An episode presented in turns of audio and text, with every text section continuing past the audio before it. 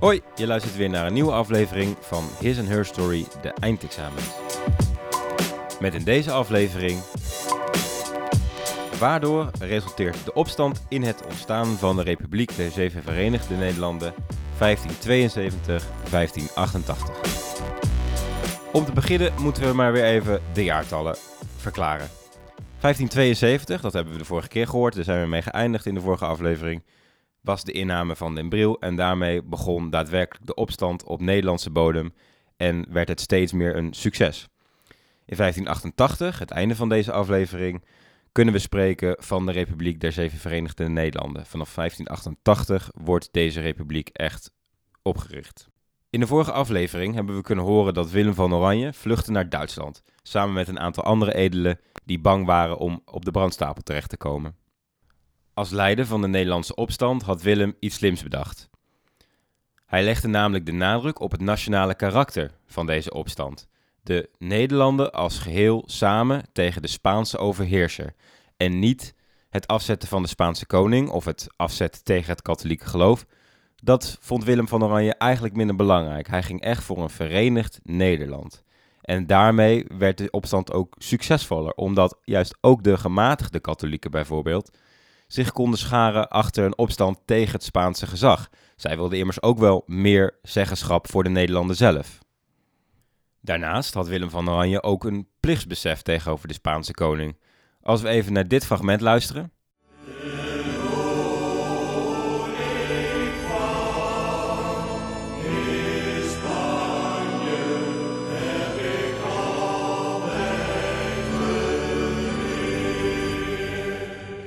Dan wordt dat ook wel duidelijk. Vandaag de dag hebben we het nog steeds over het blijven eren van die Spaanse koning.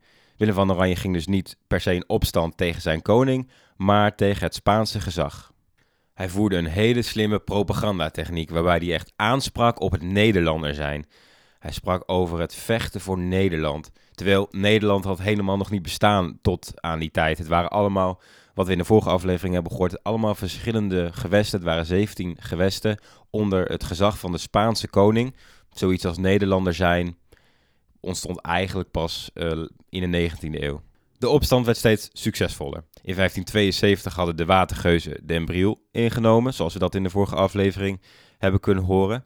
En in 1574 werd Leiden veroverd. Nog elk jaar wordt deze gebeurtenis herdacht en dat noemen we het ontzet van Leiden, het Leids ontzet. Dit gebeurt in 1574, dat moet je onthouden, Leids ontzet, 1574.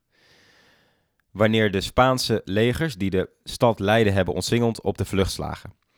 Dit komt door een oeroude Nederlandse tactiek in oorlogsvoering, wat heel goed past bij het Nederlandse land, namelijk de dijken van de Noordzee werden doorgestoken waardoor de landen rondom Leiden, de gebieden rondom Leiden, onder water kwamen te staan. Daardoor moesten de Spanjaarden vluchten.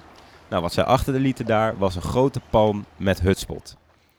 Daarnaast kwamen de watergeuzen de stad Leiden bevrijden en kwamen zij eten brengen. En zij brachten mee haring en wittebrood. Dus elk jaar bij het herdenken van het Leids ontzet worden haring en wittebrood en hutspot gegeten. 3 oktober, dat is een feest. Voor mij, voor elke Leidenaar is dat eigenlijk. Dat is eigenlijk uh, het grootste feest van wat er ooit gevierd wordt in Nederland. Dat de Spaanse legers zo makkelijk op de vlucht sloegen bij Leiden is een voorbeeld van het verschil tussen de legers van Spanje en de Nederlandse opstandelingen. De Spaanse legers bestonden voornamelijk uit huursoldaten, soldaten die door Philips II werden betaald om voor hem te komen vechten. En de Nederlandse opstandelingen, of de watergeuzen, die vochten meer uit ideologisch oogpunt. Dus voor het vechten voor de goede zaak, voor het onafhankelijk worden van Spanje, voor het protestantisme. En waren daarom veel meer gedreven in de strijd. Het gebrek aan gedrevenheid in de Spaanse legers, wat de Nederlandse opstandelingen dus wel hebben, zorgt ervoor dat er steeds meer huursoldaten van het Spaanse leger gaan muiten.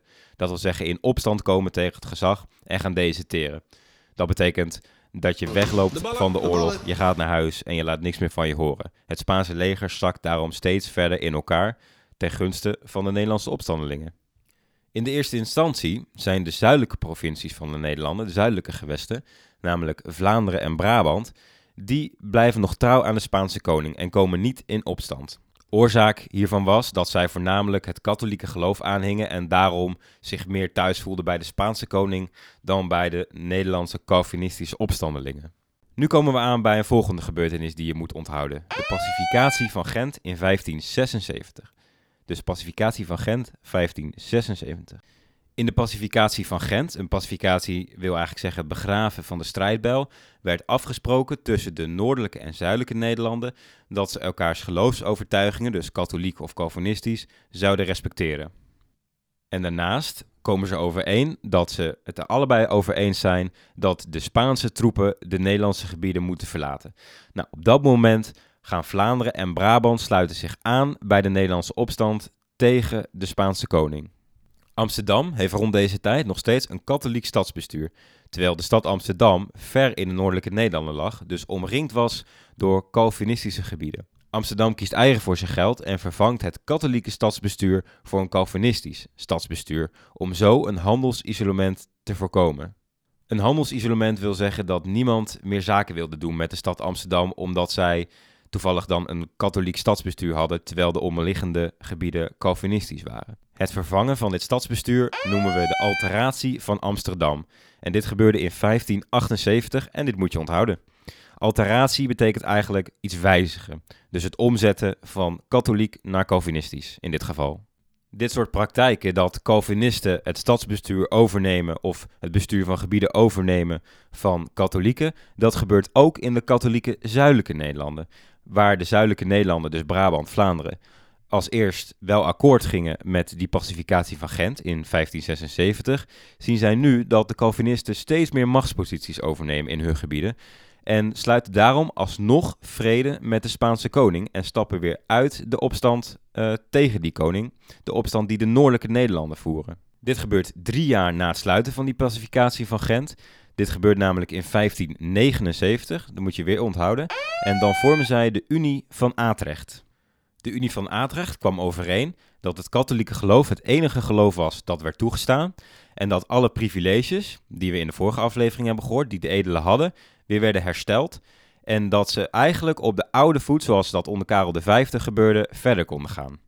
Hiermee was er dus weer een scheiding tussen Noord- en Zuid-Nederland. Een paar weken later komen de noordelijke Nederlanden met een reactie op de Unie van Atrecht. Ze zoeken in Nederland naar een plaats uh, dat veel lijkt op deze stad en noemen het de Unie van Utrecht. Ze hebben natuurlijk niet echt een stad uitgezocht die leek op de naam Atrecht, wat overigens een dorp is in het huidige Wallonië. Maar het is voor nu makkelijk te onthouden. Atrecht, de letter A, als eerste in het alfabet, is dus eerder dan Utrecht. De Unie van Atrecht is dus eerder dan Utrecht. In de Unie van Utrecht wordt met name afgesproken dat de verschillende gewesten van de noordelijke Nederlanden naar buiten toe, dus met name de strijd tegen Spanje, gezamenlijk zullen voeren en ook elkaar zullen beschermen. En ze krijgen daarom ook een gezamenlijk leger. In Holland en Zeeland komt godsdienstvrijheid en in de overige gebieden en steden mag men zelf bepalen hoe om te gaan met deze godsdienstvrijheid.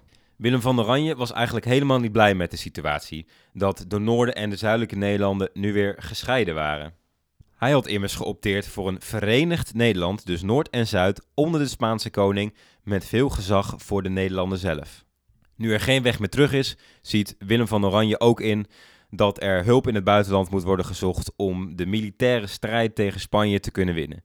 Hij stelt voor om de broer van de Franse koning, de graaf van Anjou, te vragen om de Nederlandse opstand te gaan leiden en om daarmee ook Franse ja, subsidies binnen te halen om de oorlog te kunnen bekostigen. Willem van Oranje was eigenlijk alleen maar leider van de opstand en heeft zich nooit leider van de Nederlanden genoemd of zoiets dergelijks. En die graaf van Anjou, dat is eigenlijk de eerste landsheer van de Nederlanden, die de Nederlanden zelf benoemen in plaats van dat de Spaanse koning dat deed met bijvoorbeeld Margarethe van Parma. Nou, als reactie op het binnenhalen van de graaf van Anjou als leider van Nederland, doet Philips II Willem van Oranje in de ban, wat eerder ook al met Martin Luther gebeurde. Willem van Oranje werd vogelvrij verklaard. In 1584 wordt hier gehoor aangegeven en Willem van Oranje wordt in Delft vermoord door de katholiek Balthasar Gerards. Willem van Oranje staat vandaag de dag bekend als de vader des vaderlands en is dat misschien ook wel, maar Het waren vooral de Nederlandse gewesten die deze opstand tot een succes wisten te brengen. Willem van Oranje was voornamelijk de bindende factor tussen al die gewesten en zorgde ervoor dat men achter de zaak bleef staan. We maken weer even een sprongetje terug in de tijd. Dus we hadden net de moord van Willem van Oranje in 1584. We gaan even terug naar 1581. Want op dat moment nemen de noordelijke Nederlanden definitief afstand van de Spaanse koning. Tot dan toe hadden ze dat helemaal niet per se gedaan. Ze wilden gewoon meer vrijheid voor zelfbestuur. Maar in 1581 schrijven zij de zogenoemde Akte van Verlatingen of het Plakkaat van Verlatingen, waarmee zij afstand doen van de Spaanse koning. De Akte van Verlatingen uit 1581 is hiermee ook de eerste echte onafhankelijkheidsverklaring die ooit bestaan heeft. Het wordt al snel duidelijk dat de Franse graaf van Anjou niet de geschikte kandidaat is om de Nederlanden te gaan leiden. Hij is eigenlijk alleen uit op macht en dat is nou net niet uh, wat de Nederlanden willen, want daar waren ze juist net vanaf. Dan besluiten de Nederlanden om het maar te gaan proberen in Engeland in plaats van in Frankrijk. Ze vragen aan Elisabeth I om steun. En uh, dat geeft zij ook, want zij stuurt de graaf van Leicester uh, met een aantal soldaten om te kunnen vechten tegen Spanje en wat geld. Uh, om de Nederlanden te gaan leiden in plaats van de graaf van Anjou. De graaf van Anjou vertrekt weer naar Frankrijk en sterft daar een jaar later.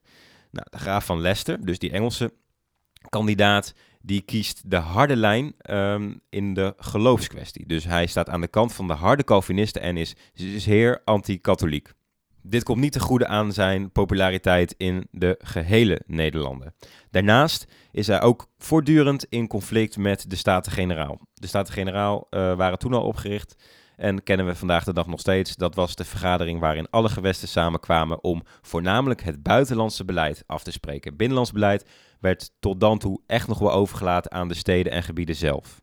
In hetzelfde jaar wanneer de graaf van Leicester wordt gevraagd om Nederlanden te leiden, in 1585, valt ook de stad Antwerpen. De Spaanse legers nemen de stad in. Gevolg hiervan is dat vele kooplieden uit Antwerpen vluchten naar de noordelijke Nederlanden om daar hun handel voor te kunnen zetten. Wat je dus krijgt is dat rijke Antwerpenaren naar Amsterdam komen. En dat is eigenlijk het begin van de groei van de stad Amsterdam, wat uiteindelijk de basis zou zijn voor de Nederlandse Gouden Eeuw. Antwerpen was eigenlijk tot dan toe de belangrijkste haven van Europa, maar door de inname van de Spanjaarden verliest het deze rol en gaat hij eigenlijk over naar Amsterdam. De haven van Antwerpen is namelijk via de rivier de Schelde verbonden met de Noordzee. En deze rivier werd door de watergeuzen afgesloten, zodat de Spanjaarden eigenlijk niks meer hadden aan de haven van Antwerpen. Zoals net genoemd had de graaf van Leicester conflicten met de Staten-Generaal. Eigenlijk de belangrijkste man in deze Staten-Generaal was Johan van Oldenbarneveld. Hij had steeds meer macht naar zich toe weten te trekken en had nu een positie vergaard waarin hij eigenlijk ja, een soort premier, minister van Buitenlandse Zaken, was die Nederland naar buiten toe in ieder geval vertegenwoordigde. Het is nu 1588 en het gaat hard met de Nederlandse opstand. Engeland steunt de Nederlanden in de strijd tegen Spanje en Spanje vecht op meerdere fronten tegelijk. Nou ja, dat is een uh, beginnersles oorlogsvoeren, meerdere fronten altijd problemen. In 1588, deze moet je weer onthouden, in 1588 stuurt Philips II een Spaanse gewapende vloot, ook wel de Spaanse Armada genoemd, richting Engeland om daar Engeland binnen te vallen. In plaats van met een groot leger vanuit Spanje richting Engeland te varen, denkt men dat het goedkoper is om soldaten op te halen in Antwerpen. En vanaf daar de soldaten over te zetten naar het Engelse land. Maar zoals we net hadden gehoord, hadden de Nederlandse opstandelingen deze haven geblokkeerd door de Schelde te blokkeren. De Spaanse schepen konden er dus niet in wachtend voor de haven van Antwerpen, ja, zijn ze een hele makkelijke prooi, de Spaanse vloot. En dit weet de Engelse vloot ook en vallen ze daarom ook aan. Hiermee wordt de Spaanse armada, die eigenlijk een einde moest brengen aan de Engelse overheersing, verslagen. De Spaanse armada wordt gedwongen om uh, te vluchten. Ze kunnen niet meer terug, want daar ligt de Engelse vloot. Dus ze worden gedwongen om om Schotland heen te varen, om Ierland heen te varen, om dan weer terug naar Spanje te gaan. Uiteindelijk loopt een groot deel van de Spaanse armada op de klippen in, uh, in Ierland. En dit is eigenlijk het begin van het einde van de Spaanse overheersing op um, ene kant uh, het Europese continent en de andere kant ook op de zeeën. Het is ook in 1588 dat de Nederlanden uiteindelijk besluiten om verder te gaan als republiek. Na twee mislukte pogingen om een leider te zoeken voor het nieuw gestichte land, uh, eerst de graaf van Anjou, dan de graaf van Leicester, is men tot de conclusie gekomen dat ze het eigenlijk veel beter zelf kunnen. Dat de Staten-Generaal zelf het land gaan besturen. En vanaf dit moment kun je spreken van de Republiek der Verenigde Nederlanden. En dit zou zo blijven tot en met 1795. Hiermee zijn we alweer aangekomen bij het einde van de aflevering. Nog even snel een conclusie. Het begint dus met de opstand, waarmee we de vorige aflevering zijn begonnen. Vervolgens uh, in de pacificatie van Gent worden ook de zuidelijke Nederlanden betrokken bij deze opstand. Um, maar een aantal jaar later in de Unie van Atrecht en de Unie van Utrecht gaan de zuidelijke en noordelijke Nederlanden weer uit elkaar. De noordelijke Nederlanden gaan op zoek naar een leider, naar een nieuwe vorst. Vinden deze niet en besluiten uiteindelijk om maar zelf verder te gaan als Republiek der Verenigde Nederlanden. Hoe de oprichting van de Republiek der Verenigde Nederlanden resulteerde in de Gouden Eeuw en hoe de 80-jarige oorlog ten einde kwam, dat hoor je in de volgende aflevering.